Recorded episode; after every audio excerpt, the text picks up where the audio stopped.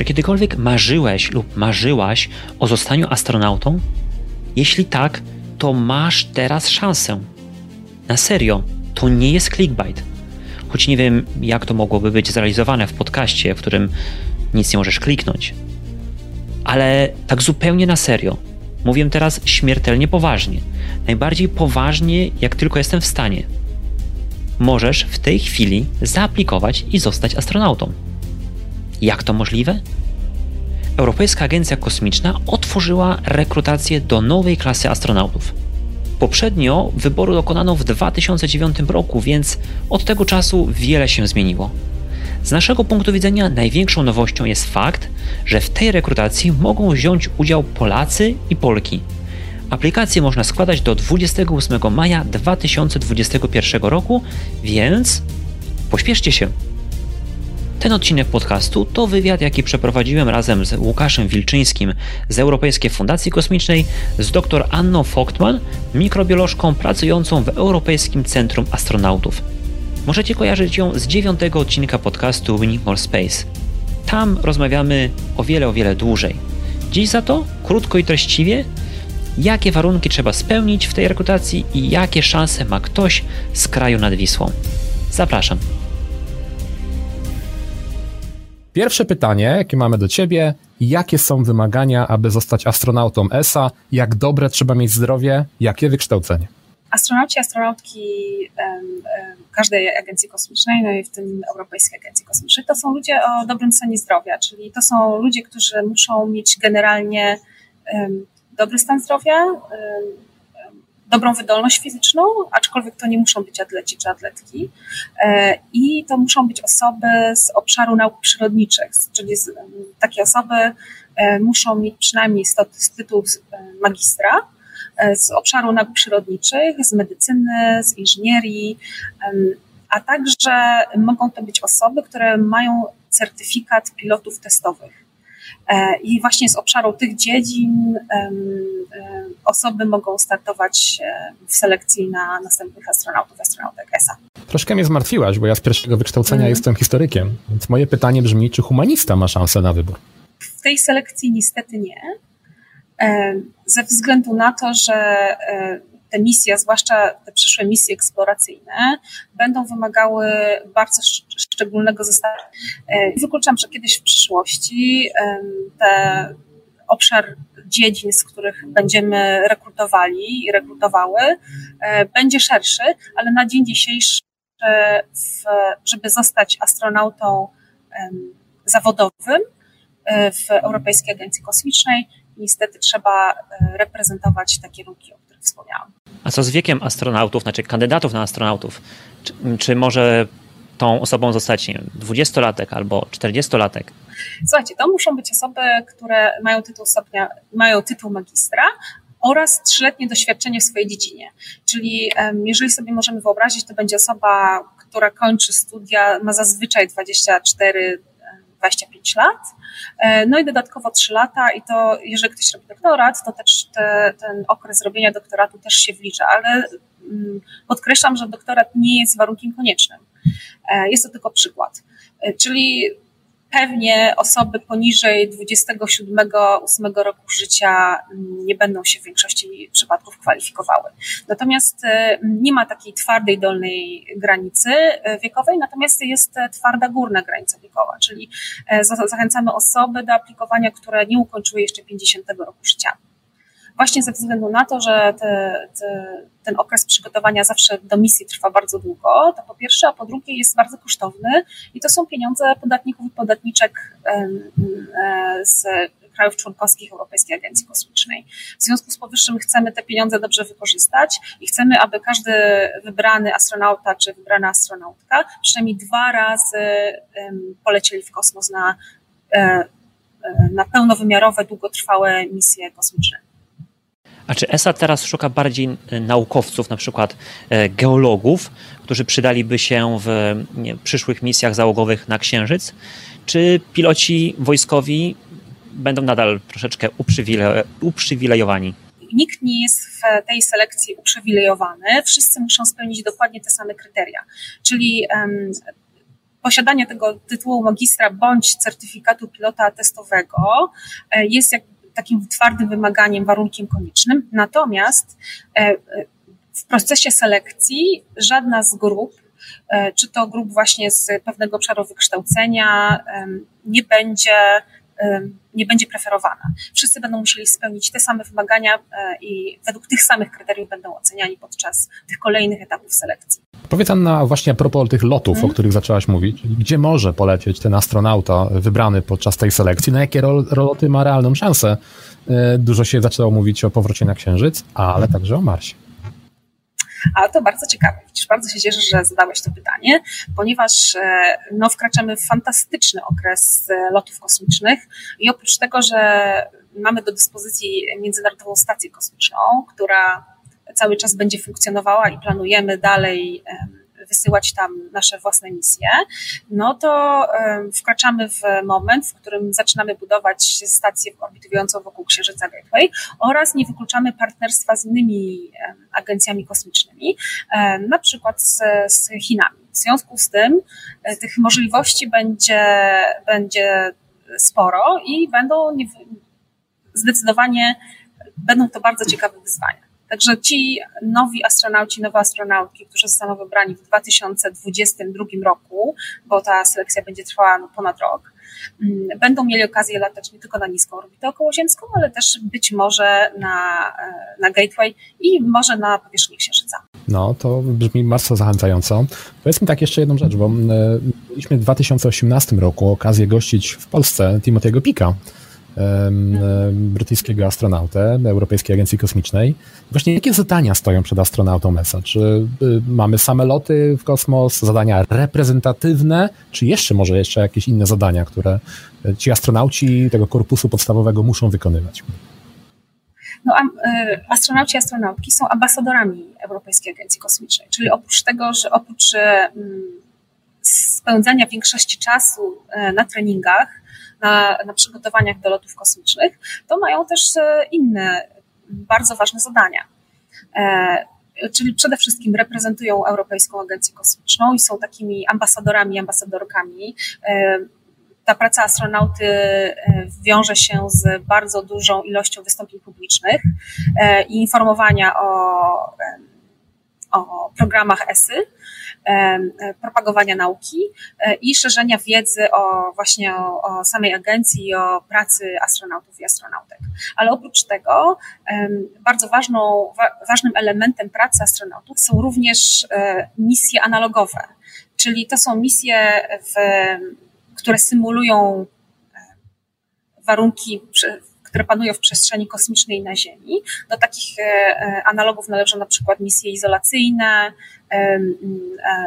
caves, czyli e, eksploracja jaskiń, e, albo na przykład misje podwodne e, Są to misje, które pozwalają im się lepiej przygotować, ale to są też misje, które mają za zadanie testowanie na przykład sprzętu, czy jakichś nowych technologii, które mają potencjał do bycia zastosowanymi w przestrzeni kosmicznej w lotach załogowych. Dlatego tych aktywności jest bardzo dużo i gwarantuję Wam, że poza przebywaniem w przestrzeni kosmicznej na stacji kosmicznej, to astronauci i astronautki wcale się nie nudzą. Mówisz, że właśnie bardzo dużo tych zadań czeka na astronautów, więc jak długo można być takim aktywnym astronautą? Czy jest e, jakaś e, górna granica? Gór, granica e, dotyczy stanu zdrowia przede wszystkim i chęci. Czyli jeżeli wy, wybierzemy astronautów i astronautki, to teoretycznie oni będą mogli pozostać aktywnymi astronautami, astronautkami tak długo, jak będą chcieli, jak będzie pozwalało im na to zdrowie i, i jakie będą cele, czy jakie będą cele agencji ale nie ma jakiejś twardej górnej granicy wiekowej. No, mieliśmy astronautów latających e, na Międzynarodową Stację Kosmiczną po 60 sobie świetnie radzi. Myślę, że zachęciłaś nas bardzo, żeby zostać tym astronautą. To teraz powiedz, co będą musieli przejść e, kandydaci na astronautów ESA? No, ten proces jest bardzo ciekawy, jest ciekawy dla wszystkich. E, jest on wieloetapowy i może zacznijmy od początku, czyli te mm, aplikacje można składać już od 31 e, marca i to okno aplikacyjne potrwa do 28 maja 2021 roku. I po tym etapie przez pierwszy miesiąc, dwa będzie następowała ta selekcja ze względów formalnych, czyli innymi słowy osoby, które na przykład nie złożą kompletu dokumentów wymaganych albo nie spełniają tych twardych kryteriów, będą wtedy odsiewane. No i będzie właśnie ta selekcja będzie pod tym kątem wymagań, spełnienia wymagań formalnych. Natomiast później będzie, e, będą już testy psychologiczne, testy psychomotoryczne, testy funkcji kognitywnych, które będą odbywały się e, bezpośrednio, przynajmniej taki jest plan. Oczywiście zobaczymy, jak warunki pandemiczne na przeprowadzenie tych testów e, pozwolą. Mm, Natomiast będzie to pierwszy etap, czyli taki assessment psychologiczny, psychomotoryczny, sprawdzanie funkcji kognitywnych, zapamiętywania, e, behawioralnych itd. Po tym, co jest zazwyczaj wąskim gardłem w, w selekcji, bazując na, na tych danych z 2008 i 2009 roku, mm, będzie następowała, następował assessment medyczny, czyli astronauci i astronautki będą przechodzili bardzo szczegółowe badania medyczne. E, I kandydaci i kandydatki po przejściu jakby tego etapu będą też dalej poddawani takiemu assessmentowi, powiedzmy, behawioralnemu. E, będą to testy, będzie to taki wywiad bezpośredni ze specjalistkami i specjalistami, którzy będą mieli za zadanie ocenić właśnie mm, kandydata, kandydatkę pod kątem szybkości rozwiązywania zadań, reakcji na stres, e, właśnie mm, orientowania się w przestrzeni. E, czyli to będzie wywiad osobisty. I po tym wywiadzie będzie kolejny etap, e, rozmowa już e, twarzą w twarz z dyrektorem generalnym, który, do którego należy podjęcie ostatecznej decyzji o wyborze danego kandydata bądź danej kandydatki na, do, tego, do tego ścisłego grona astronautów i astronautek. Będzie jakaś lista rezerwowa dla tych, którzy przejdą to sito rekrutacyjne, ale właśnie nie zostaną wybrani do tego podstawowego składu fantastycznie, że zadałeś to pytanie, bo właśnie jednym z nowum z tej selekcji jest dokładnie stworzenie takiej grupy rezerwowej astronautów i astronautek. Ta grupa rezerwowa będzie miała pewnie około 20 osób, ale ta, ta jakby ta liczba nie jest nie jest e, e, ostateczna. E, I to będą właśnie osoby, które dostały się do tych ostatnich etapów rekrutacji, ale nie, ostatecznie nie zostały zakwalifikowane do tej, do tej pierwszej grupy astronautów i astronautek. To będą osoby, które będą stanowiły grupę rezerwową. I istotnie, jeżeli na przykład w, w tej grupie ścisłej astronautów, astronautek zawodowych będzie osoba z danego kraju, która zrezygnuje E, z, z uczestnictwa w programie, to taka osoba będzie mogła wskoczyć na misję tej osoby, teoretycznie.